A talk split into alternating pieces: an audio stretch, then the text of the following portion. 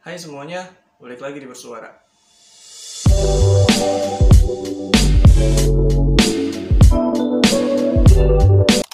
Buat kalian yang belum kenal sama gue, kenalin nama gue Gisel Fikri. Usia gue sekarang 22 tahun. Jujur, gue bukan orang yang mempunyai latar pendidikan yang tinggi, tapi gue mempunyai keinginan yang tinggi buat share hal-hal yang berkaitan dengan edukasi, terutama dalam pengembangan diri. Gue akan upload video dua hari sekali, jadi buat kalian yang belum subscribe, silahkan subscribe dulu ya, dan nyalain notifikasinya. Dukung channel ini supaya bisa dapat 100 subscriber pertamanya. Sebelum lanjut ke pembahasan, sekedar informasi, ini adalah video ke-10 yang udah gue buat, jadi kalian juga bisa menonton video-video yang udah gue buat sebelumnya ya. Oke, gue cukup excited kalau udah ngomongin soal idealis dan realistis, apalagi kalau udah urusan karir dan masa depan.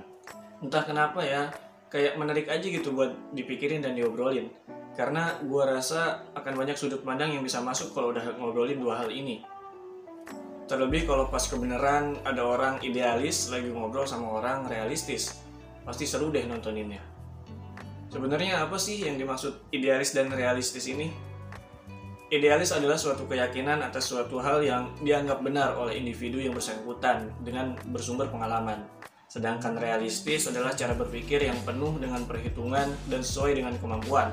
Sehingga gagasan yang diajukan bukan hanya angan-angan atau mimpi belaka, tapi juga sebuah kenyataan. Jadi kedua hal ini adalah sesuatu hal yang bertolak belakang. Idealis adalah ketika kita membayangkan atau melihat sesuatu dengan cara yang ideal dan sempurna, sedangkan realistis adalah pandangan yang cenderung mengarah ke situasi yang lebih pragmatis dan aktual. Seperti contoh begini. Pokoknya, suatu saat gue harus bisa punya penghasilan 100 juta per bulan. Bagaimanapun caranya. Yang penting halal, gue pasti kejar itu. 100 juta per bulan? Alah, halu aja. Gimana caranya bisa dapetin penghasilan 100 juta per bulan? Orang makin ke sini aja makin susah kok nyari kerja.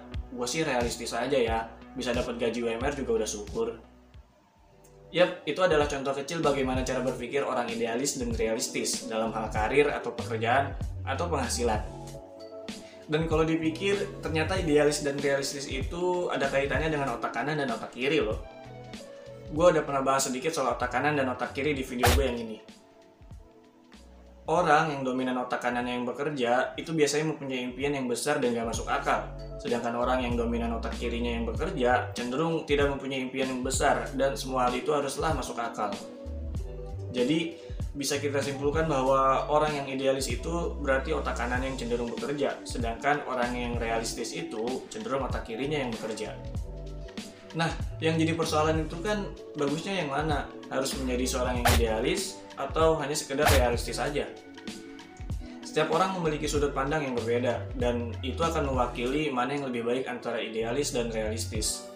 Sebenarnya dalam dua hal ini nggak ada yang lebih baik atau lebih buruk.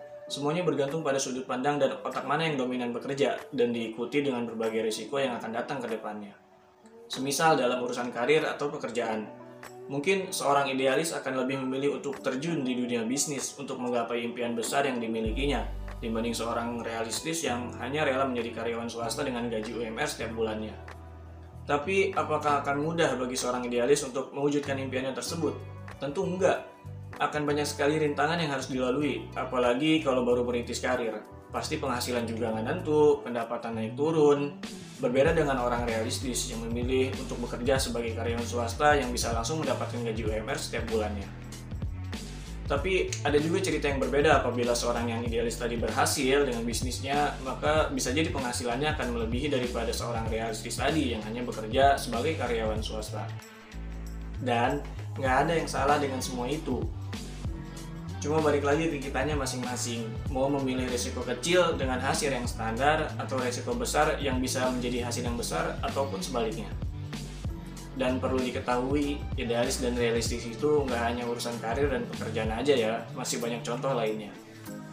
Jujur gue sendiri bukan tipikal orang yang idealis-idealis amat Tapi juga bukan orang yang terlalu realistis ada kalanya gue menjadi idealis pada saat memulai sesuatu dan ada kalanya juga gue menjadi realistis saat gue mengalami kegagalan walaupun begitu kadang gue juga suka nilai kalau diri gue ini cenderung memiliki idealis yang tinggi dibanding realistis well kayaknya nggak penting gue idealis atau realistis buat kalian yang terpenting adalah apa yang gue sampein ini bisa masuk di pikiran kalian dan dicerna dengan baik. Cukup sekian dulu pembahasan kali ini ya. Semoga bermanfaat dan jadilah diri kalian sendiri. Gue Haji Fikri pamit, jangan lupa share ke teman-teman kalian. See you in the next video. Bye.